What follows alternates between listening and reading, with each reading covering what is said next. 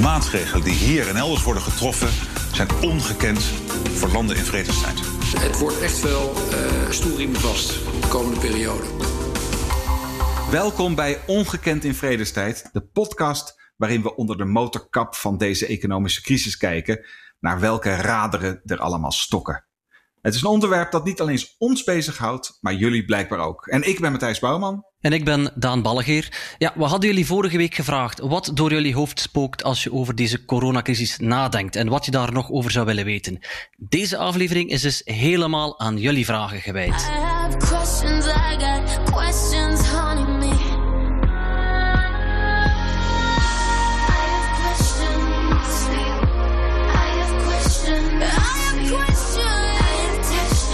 Ja, we kregen meer vragen dan we er tijd voor hebben. Dus wees niet boos als jouw vraag niet aan bod komt. Het kan bijvoorbeeld zijn dat we er dan later een hele aflevering aan gaan wijden. Of misschien wisten we gewoon het antwoord niet. Dat kan natuurlijk ook. Of misschien was het gewoon helemaal niet zo'n goede vraag. Maar de meeste vragen gaan we wel behandelen. Ja, we krijgen vandaag assistentie van Annika en Marcus. Dat zijn spraakrobots van de website Natural Reader. En zij gaan straks vakkundig de ingestuurde vragen voorlezen. Maar de eerste, de aftrap, die komt van Simon van de Beek, die als enige een audiofragment stuurde. En aan het achtergrondgeluid te horen heeft die ook een mooie tuin. Dag Daan, dag Matthijs. Het uh, idee van een V-vormig herstel is bij de meesten inmiddels wel van de toonbank. En nou is mijn vraag aan jullie. Ja, welk deel van de economie houden we structureel? Ik heb ergens uh, gezien 85 procent. Uh, welk deel houden we structureel? Wat denken jullie? Ja, het is al geleden van de Tweede Wereldoorlog dat op zo'n korte tijd zoveel mensen iets anders moesten gaan doen. Toen was het gaan vechten of meedraaien in de oorlogsindustrie. Nu is het omschakelen naar een economie met andere noden. Uh, er was deze week een nieuwe studie die uitkwam van NBER, een onderzoeksinstituut in de Verenigde Staten. En ja, dat stelde dat er op de korte termijn daar voor elke tien ontslagen maar drie mensen zijn aangenomen. En, en van alle ontslagen die zijn veroorzaakt door het coronavirus zou 42 procent, en dat zijn 11, 1,6 miljoen banen permanent verloren zijn. Anders gezegd, heel wat mensen die in de luchtvaartindustrie bijvoorbeeld zijn ontslagen, die zullen daar niet meer naar kunnen terugkeren omdat er minder zal gevlogen worden bijvoorbeeld.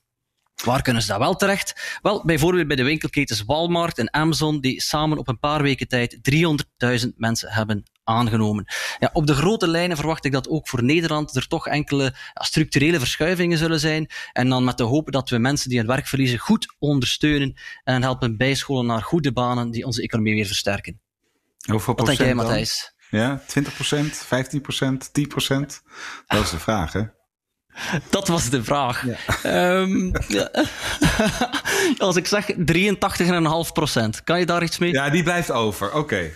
Nou, ik, ik, ik, ben, ik vind dit echt wel veel te negatief. Um, dit, dit is toch wel een hele bijzondere uh, recessie. Vandaag, op, op woensdag, als we dit opnemen, heeft uh, de minister van Economische Zaken Wiebes gezegd dat het geen V-vormig herstel wordt.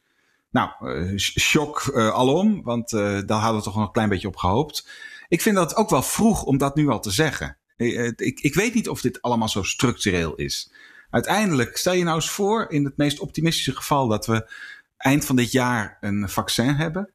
Dan kan toch uiteindelijk iedereen gewoon weer aan het werk. En dan kunnen we best vinden dat we te veel vlogen voor corona en dat we minder moeten vliegen na corona. Maar uiteindelijk verandert er dan niks aan de, aan de prikkels voor de mensen. Dus ik zie nog niet in dat dit nou zo structureel de allergrote, ja, de allergrootste waterscheiding wordt. En dat we een periode krijgen van voor corona voor de economie en na corona. Dat hoeft nog steeds niet, denk ik. Ik geloof ook niet in V-vormig herstel. En het gaat heus wel pijn doen. Uh, maar ja, de, de, economie was niet kapot, hè? De economie was niet stuk. Het is een gezondheidscrisis die op de economie neerdaalt. En ik, uh, ik ben nog niet zo ver dat ik denk dat dit uh, grote structurele gevolgen gaat hebben. Wel, Robert de Jager die had een vraag die daarop aansluit. Laten we even luisteren. Ik lees vaak dat de economie redelijk snel zou herstellen, omdat het coronavirus een externe factor is en geen financiële grondslag heeft. Waar is dat op gebaseerd? Er zullen toch bedrijven failliet gaan en er zullen werklozen bijkomen. Krijg je dan geen schuldencrisis? Ja, dat was Marcus die de vraag uitsprak van, uh, van, uh, van Robert de Jager. Hij deed dat best netjes voor een digitale stem. Um, ja, ik, ik ben nog wel van die school die zegt het kan nog steeds snel herstellen. Ehm, bedrijven gaan failliet, dat klopt. We krijgen werkloosheid. En als mensen werkloos worden, dan verliezen ze vaak hun vaardigheden. En dan krijg je iets wat, wat economen of eigenlijk natuurkundigen hysteresis noemen. He, het feit dat als je aan een veer trekt, daar komt die uitdrukking vandaan eigenlijk. Als je aan een veer trekt, als je te hard trekt, dan gaat die veer niet meer helemaal terug naar zijn oorspronkelijke positie. Dan is hij echt kapot gerekt. Nou, het idee is ook dat dat soms in recessies gebeurt. Te hard wordt er aan de economie getrokken. Te veel werkloosheid, te veel faillissementen. En zelfs als je dus loslaat, als er een vaccin komt of als de economie weer kan gaan groeien, dan veren we niet helemaal terug. Uh, op dit moment zijn we daar denk ik nu nog niet. Zeker niet door het, het ingrijpen van de overheid en de, de, de, de steunmaatregelen. Dat is allemaal opgericht om te zorgen dat we straks wel weer gewoon op kunnen veren. Dat we niet die hysteresis krijgen. En dat, er, ja, dat, dat we gewoon weer verder kunnen. Misschien niet hoor. En misschien heb ik, heb ik spijt van dat ik dit gezegd heb. Maar ik zie nog niet het bewijs dat we niet naar die situatie terug kunnen. Ja, de schuldenbergen zijn wereldwijd flink gegroeid. Uh, al moet je denk ik wel goed kijken waar die precies zit. Bij de overheid, bij de bedrijven of uh, bij de gezinnen. En voor Nederland maak ik mij daar niet meteen uh, verschrikkelijk veel zorgen over. Kijk naar de staatsschuld, ondanks dat die flink toeneemt, blijft die voor Nederland wel beheersbaar. En Nederlandse bedrijven en gezinnen die hebben eigenlijk veel schulden in vergelijking met andere landen. Maar die cijfers zeggen ook niet alles, want in Nederland zijn de bedrijfsschulden bijvoorbeeld uh, kunstmatig hoog, uh, omwille van de multinationals die zich hier om fiscale redenen hebben gevestigd. En tegenover de grote hypotheekschulden staat een groot vermogen. heel vaak ja, uh, ook woningen. En ja, daar zit natuurlijk wel een gevaar. Als er een nieuwe crisis zou komen op de uh, uh, huizenmarkt, kan dat wel ja, verstrekkende gevolgen hebben, denk ik. Maar, maar Daan, niemand verwacht toch een schuldencrisis in Nederland? Nee. Of, toch? Nee, ik denk echt dat dat een, een staartrisico is, zoals het dan in statistische ja. termen heet. Maar ik denk wel dat het anders ligt in bijvoorbeeld de Verenigde Staten, waar hypotheken, creditcardschulden en autoleningen een tikkende bom onder de economie zijn. Het FD had daar onlangs een verhaal over en daarin las ik dat Amerikaanse gezinnen gezamenlijk een schuld hebben van 14.300 miljard eh, dollar. En dat is 1600 miljard dollar meer dan voor de uitbraak van de hypotheekcrisis in 2008. En ja, de werkloosheid in de Verenigde Staten is ondertussen opgelopen tot meer dan 33 miljoen mensen. Veel afbetalingen zijn weliswaar gepauzeerd, maar die schuld is daarmee niet verdwenen. Ja. Maar de job die de schuld moet afbetalen, komt misschien niet meer terug. Dus... Nee, dat, dat, dat, snap ik, dat snap ik. Maar toch, als je dan naar landen kijkt, dan gaat het natuurlijk erom of dat land, hè, Amerika, zo'n soort uh, schuldencrisis, zo'n mensen die niet, die niet meer kunnen terugbetalen omdat ze geen baan meer hebben, of het systeem zelf dat kan absorberen. En in Amerika denk ik nog steeds dat dat wel gewoon kan. Je hebt daar gewoon de Fed die dat, die dat, de Amerikaanse centrale bank, die dat gewoon kan, kan uh, oplossen. Hetzelfde geldt voor Nederland. Ik zou, als je het hebt over schuldencrisis, dan moet je het denk ik vooral hebben toch weer over uh, opkomende economieën. Landen die in, uh, in munten hebben geleend die niet hun eigen munt zijn, die in dollars hebben geleend of in euro's hebben geleend. bedrijven die in buitenlandse valuta hebben geleend. Dan heb je echt het over een schuldencrisis. Dit lijkt me niet het allergrootste probleem van, van deze corona-aanval.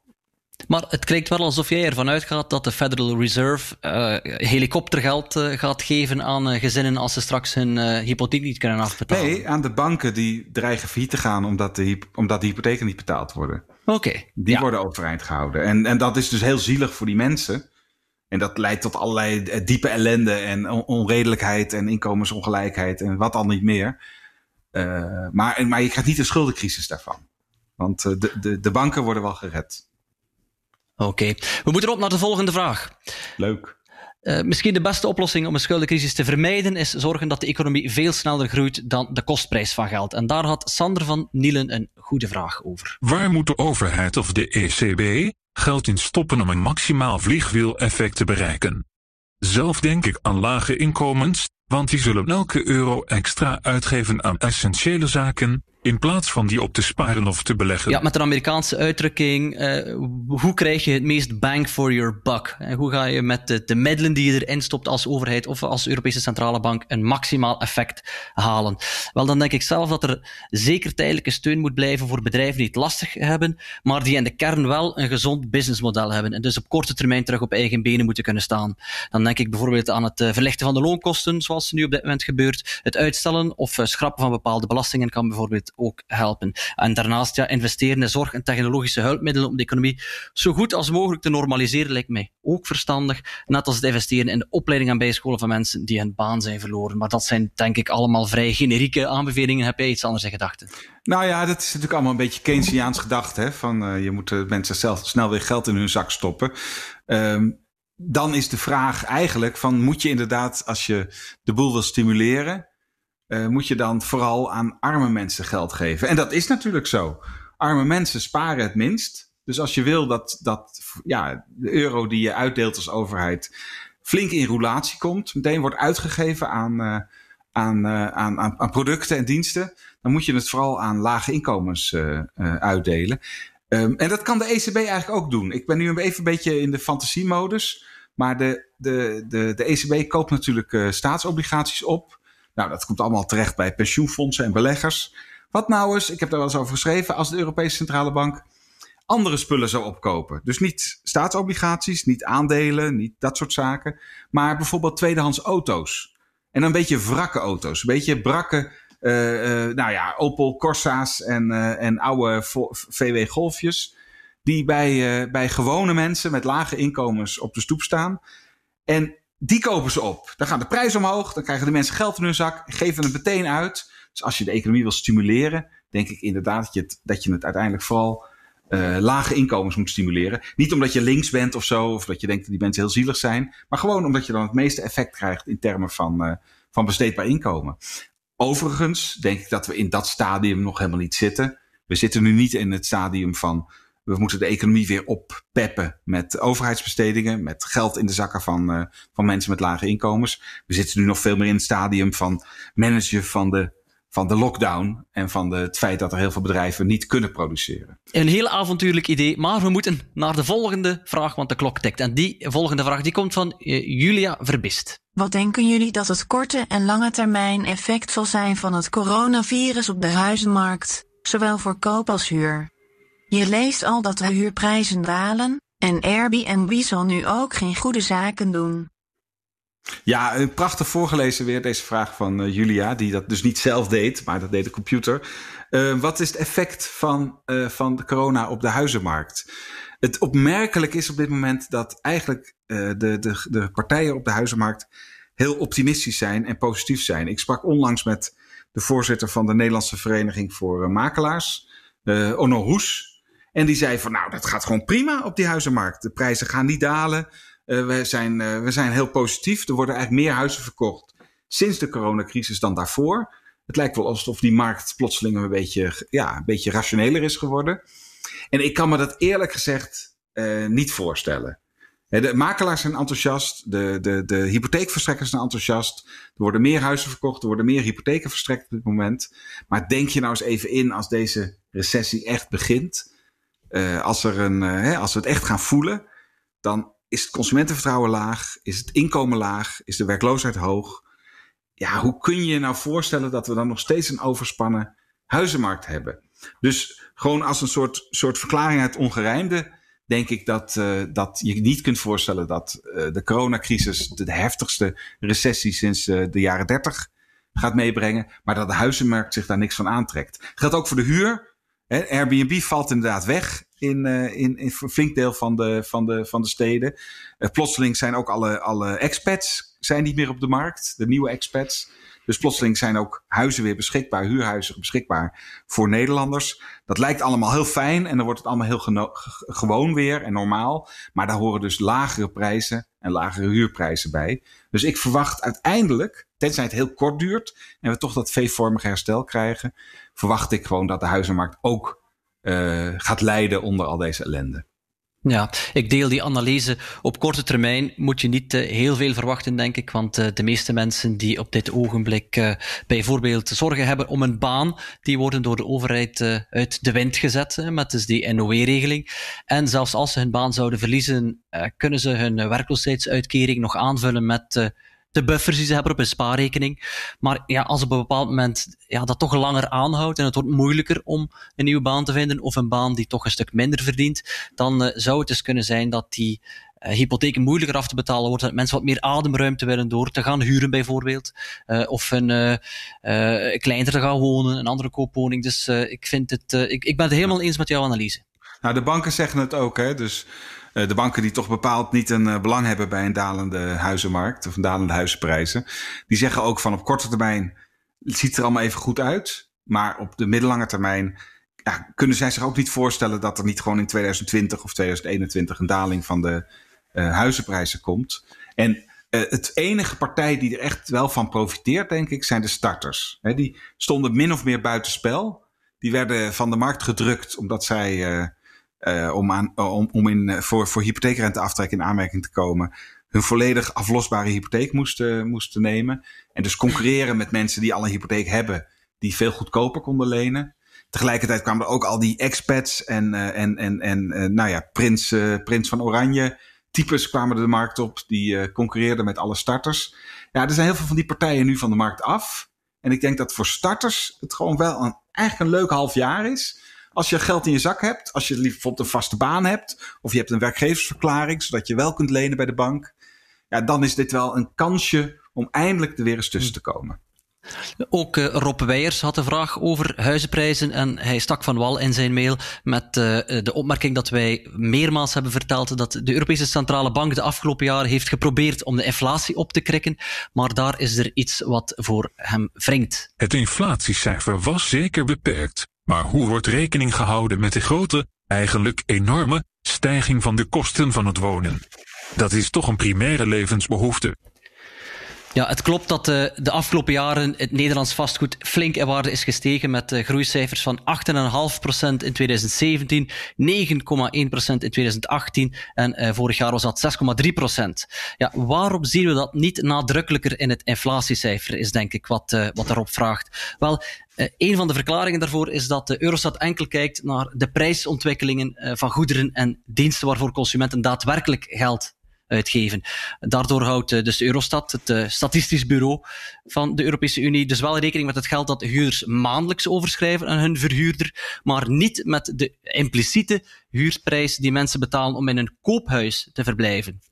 Nu, in principe zou die prijsevolutie niet zo mogen verschillen. Hè. Je zou verwachten dat huis- en huurprijzen elkaar in balans houden.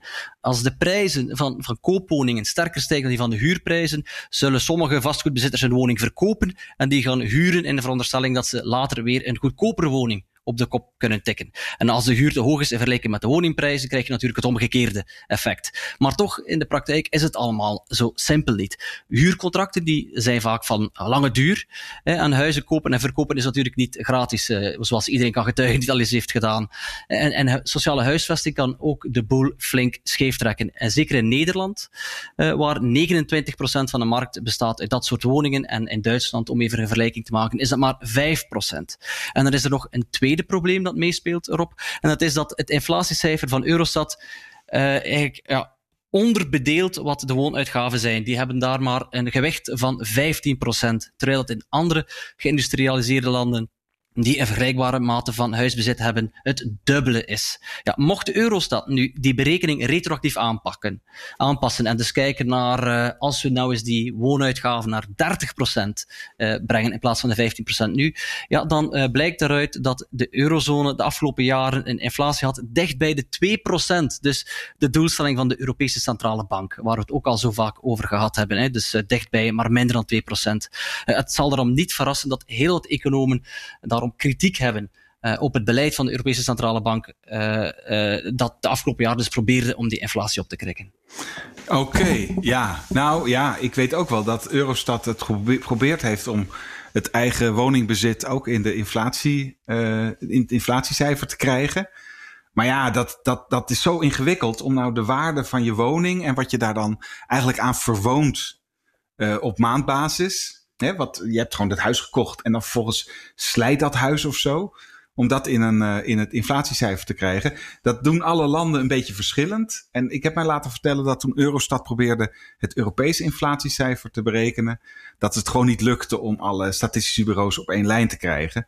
En dat ze toen maar zeiden, nou dan doen we het gewoon niet. Dus dat laten we eruit. Dus het, het, het geharmoniseerde inflatiecijfer van ja. Eurostat is eigenlijk gewoon zonder wat er in het Nederlandse inflatiecijfer wel zit. Het verwonen, het verslijten van je eigen woning. En dat is inderdaad een, een, eh, een, een, een gemis.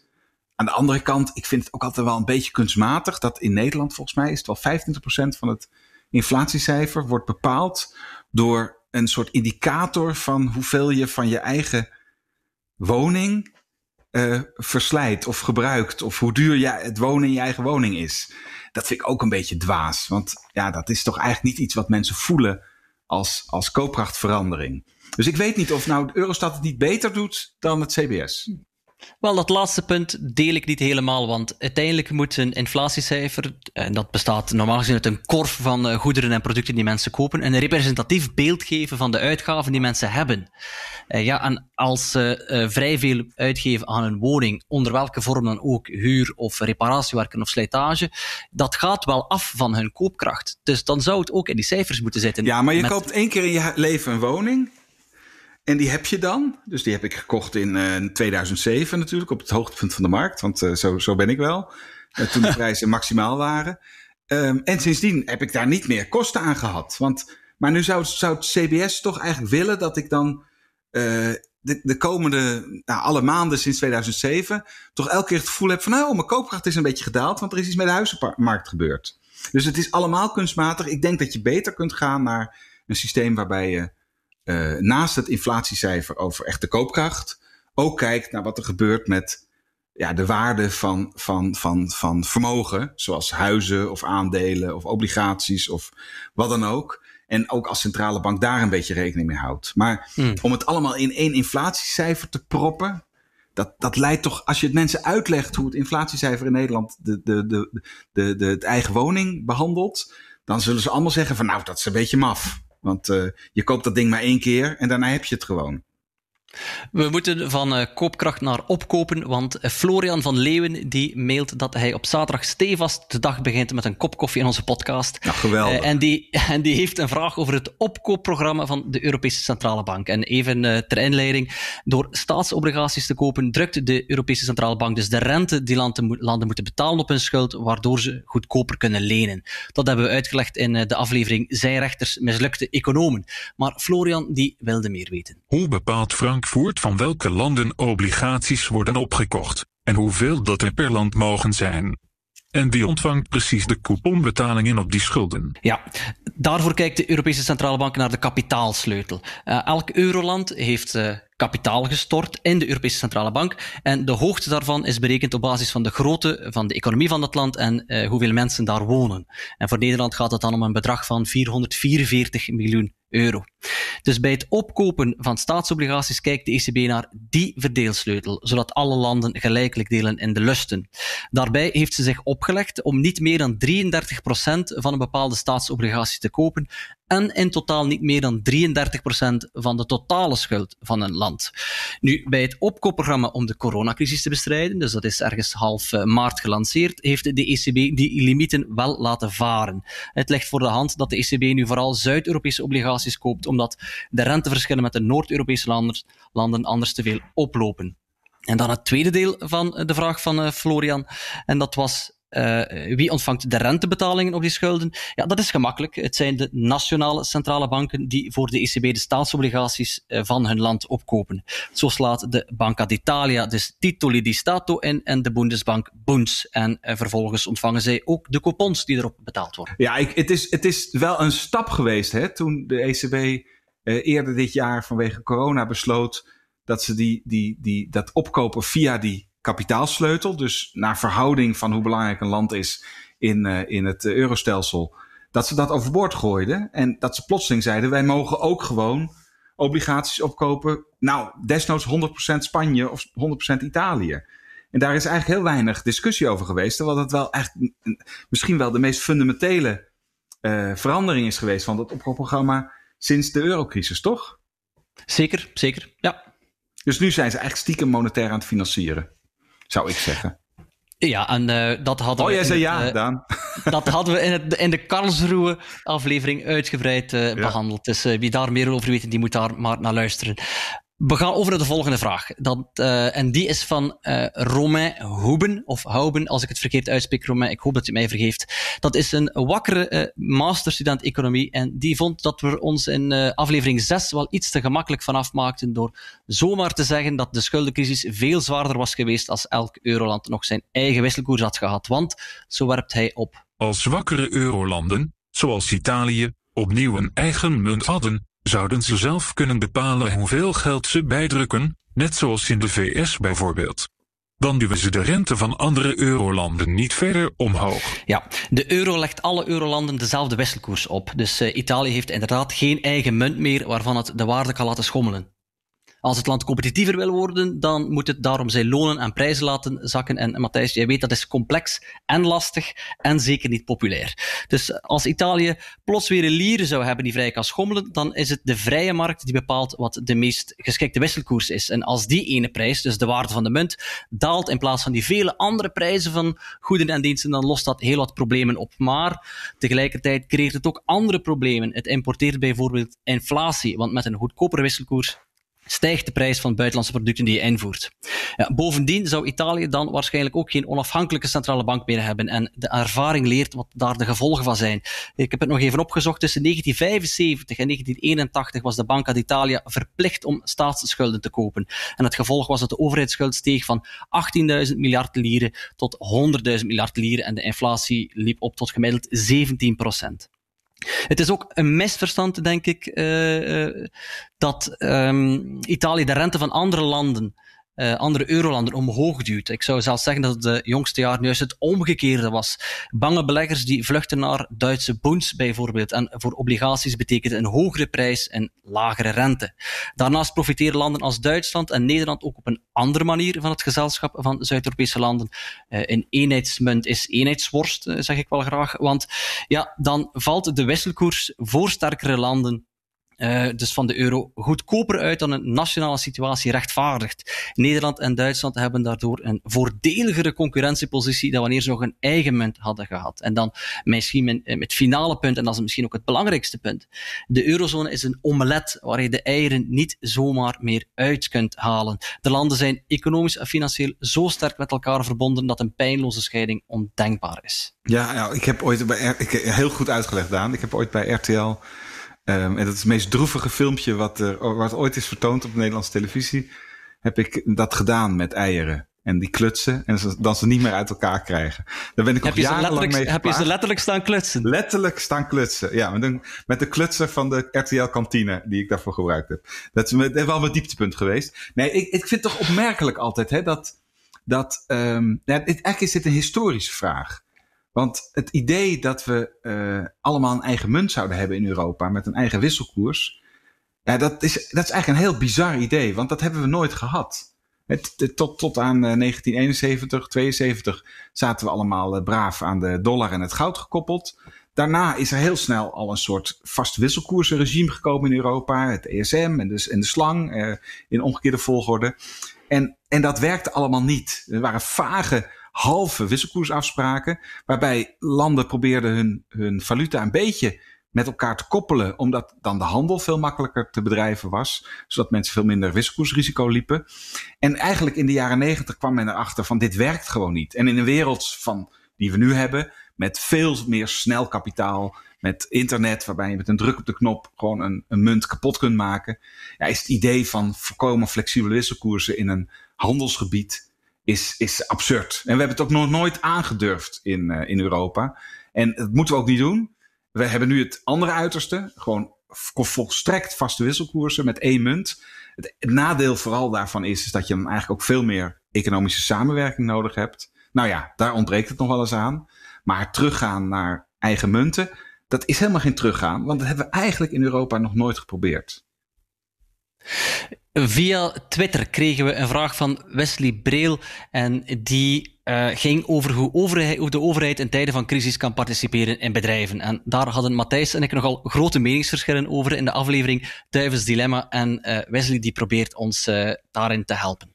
Okay. Is het geen idee dat de regering een soort staatsfonds naar Noors model opzet? Zo heb je wellicht het beste van beide werelden. Tussen zijn wens dat de overheid aandelen krijgt in ruil voor haar steun, en de wens van Matthijs dat de overheid niet rechtstreeks participeert in bedrijven. Nee, ik, ik denk toch dat dit niet gaat helpen om het eh, tussen Daan en mij helemaal goed te krijgen, uh, Wesley. Ik ben ook niet voor een Noors uh, staatsfonds namelijk. Ik vind het Noorse staatsfonds, hè, dat is een, een groot fonds, misschien wel het grootste beleggingsfonds van een overheid waar ook ter wereld. Waarin het uh, oliegeld van de Noorse overheid wordt belegd in, uh, in aandelen en in bedrijven wereldwijd. Ik vind dat ook een heel mal uh, concept. Dat de overheid besluit om de grootste belegger in, in, in het eigen land te worden. waarom? Hoezo weet de overheid welk aandeel ze moeten kopen? Hoezo kan de overheid beslissen waar het kapitaal moet, naartoe moet? Naar welk bedrijf een goed idee heeft om te investeren en welk bedrijf beter maar failliet kan gaan? Ik vind dat soort, ja, een soort semi, nou, dat zal ik maar gewoon zeggen, een soort Sovjet-Unie-achtige opzet van, uh, van het kapitalisme vind ik, uh, vind ik niet wenselijk. Bedrijven moeten kapot kunnen gaan. De overheid moet dat gewoon laten gebeuren zonder dat ze daar persoonlijke belangen bij heeft. En uh, ja, aandelen hebben als overheid, het heeft echt nog nooit echt iets goeds gebracht. Ja, ik, ook ik vind het uh, heel fijn dat Wesley probeert een compromis te vinden tussen ons, uh, Matthijs. Maar uh, ik deel tegelijkertijd ook wel jouw kritiek deze keer, want je gaat onvermijdelijk de vraag krijgen wie dat fonds moet beheren. Zijn dat dan politici of een groep van onafhankelijke experten? En ja, hoe democratisch is dat dan? Um, en ja, wat voor soort ja, keuzes moet uh, dat fonds maken? Moet er bijvoorbeeld een focus komen op de energietransitie uh, of technologische innovatie? Of willen we net dat die bedrijven zoveel mogelijk uh, mensen in dienst moeten gaan houden of zoveel mogelijk de werkstelling nastreven? Of het meest best gevulde pensioenfonds hebben, bijvoorbeeld. Dat ze er heel ja. veel geld moeten storten in een pensioenfonds, zodat we altijd kunnen indexeren. Als je politieke doelstellingen die legitiem zijn, want daar zijn, hè, daar mensen hebben op jouw partij gekozen vanwege die doelstellingen, gaat mengen met het besturen van bedrijven. En uiteindelijk, als je aandelen hebt, dan moet je ook naar de aandeelhoudersvergadering gaan en dan moet je stemmen. En dan gaat dat eigenlijk altijd mis. Ik denk dat je dat juist moet scheiden. De overheid moet de scherprechter zijn. Die moet zeggen: bedrijven tot hier en niet verder. Dit zijn de regels, daar moet je aan houden. Zo doen we het in dit land. Maar niet tegelijkertijd ook nog eens een belang hebben dat een bedrijf winst maakt of, of leuk dividend uitkeert. En, en die mengvormen, ik vind, het, uh, ik vind het heel slordig. We moeten naar de laatste vraag, en dat is misschien wel mijn favoriet. Die komt van Lasse Hofstra. Welke heilige huisjes zullen er in de komende periode sneuvelen in economisch en politiek Den Haag? Uh, voor mijn antwoord haal ik er even Moetie bij. Die Antwort heißt, Europa muss gemeinsam handeln. Der Nationalstaat alleine hat keine Zukunft. Und ich sage es für Deutschland, Deutschland wird es auf Dauer nur gut gehen, wenn es Europa gut geht. Ja. Angela Merkel en Emmanuel Macron lijken elkaar te hebben uh, gevonden. En als de Frans-Duitse as beweegt, dan volgt normaal gezien de rest van Europa. Deze crisis gaat dus tot spijt van wie het benijdt uh, leiden tot meer uh, Europese solidariteit, denk ik. En een grotere overdracht ook van bevoegdheden naar het Europese niveau de grote uitdaging wordt dan om uh, ja, niet boven de hoofden van de burgers te gaan. Uh, en dat betekent lastige nationale en Europese discussies. En denk je dat het gaat gebeuren? Gaat, gaat bijvoorbeeld Nederland en Oostenrijk, Zweden, Denemarken, gaan die om?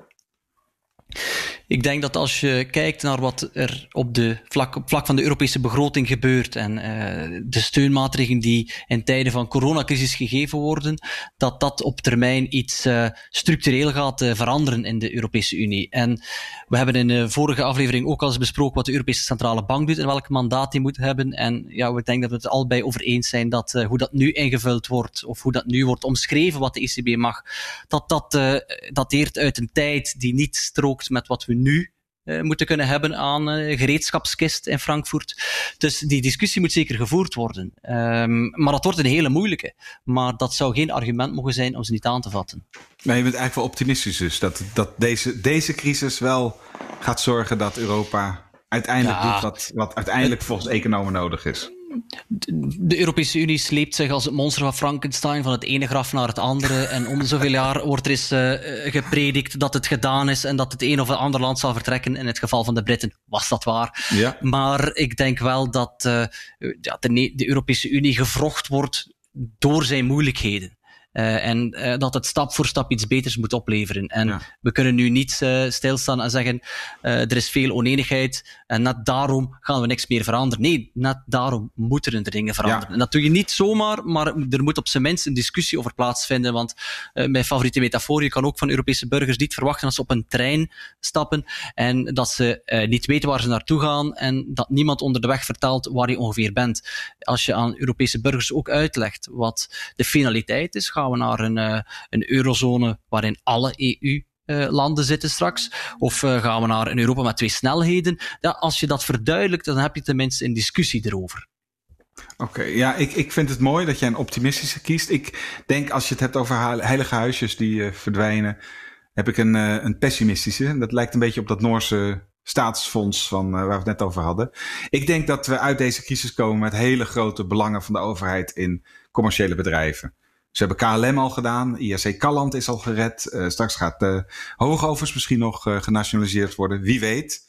En ik denk dat we over een jaar plotseling toch weer in een wereld leven waarin de overheid heel veel staatscommissarissen heeft. Die in, in, in, in de raad van commissarissen zitten en meebesturen bij commerciële bedrijven. Dat vind ik niet leuk. Het lijkt me helemaal niet handig. Het duurt decennia om er allemaal weer vanaf te komen. Maar ik vrees dat dat wel een van de gevolgen gaat zijn. Oké, de tijd tikt door en we moeten onze favoriete rubriek natuurlijk nog behandelen. En die is geïnspireerd op een prachtige Nederlandse soap. Goede tijden, slechte tijden natuurlijk.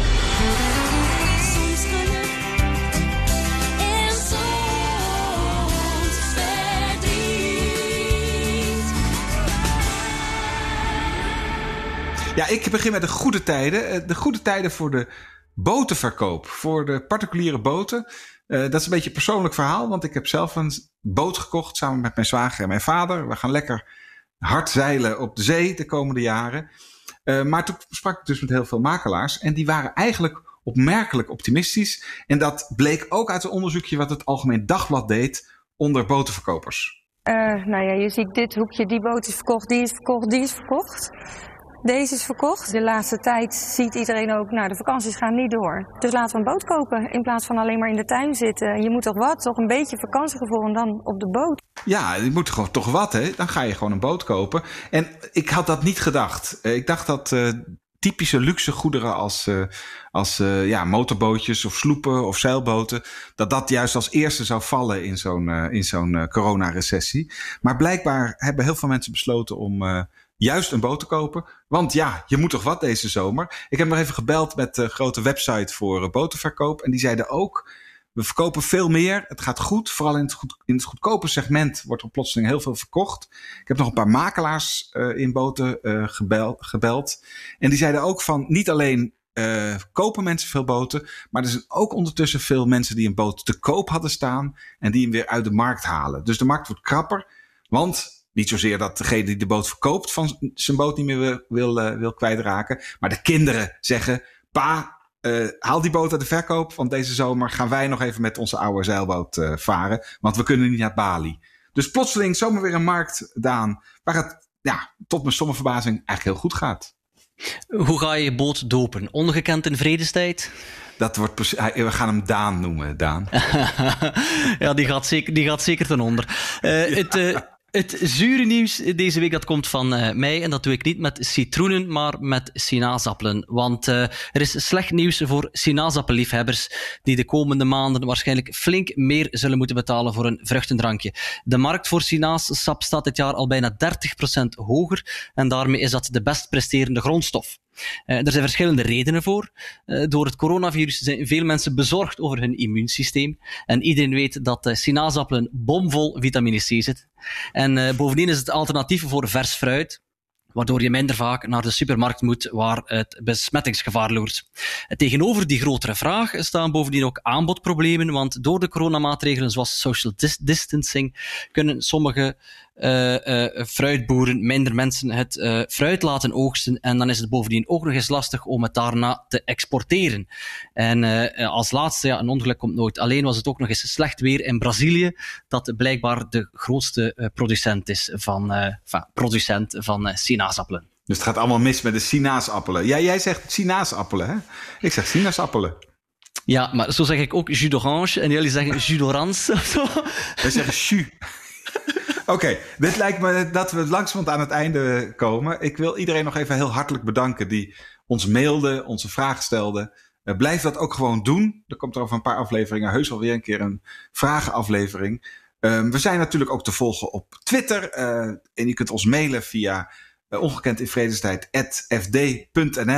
Geef ons al opmerkingen. Geef ook een rating aan deze podcast. En luister hem en abonneer je op deze podcast via je favoriete podcast app. Dat zegt iedereen altijd. Maar goed, um, tot volgende week.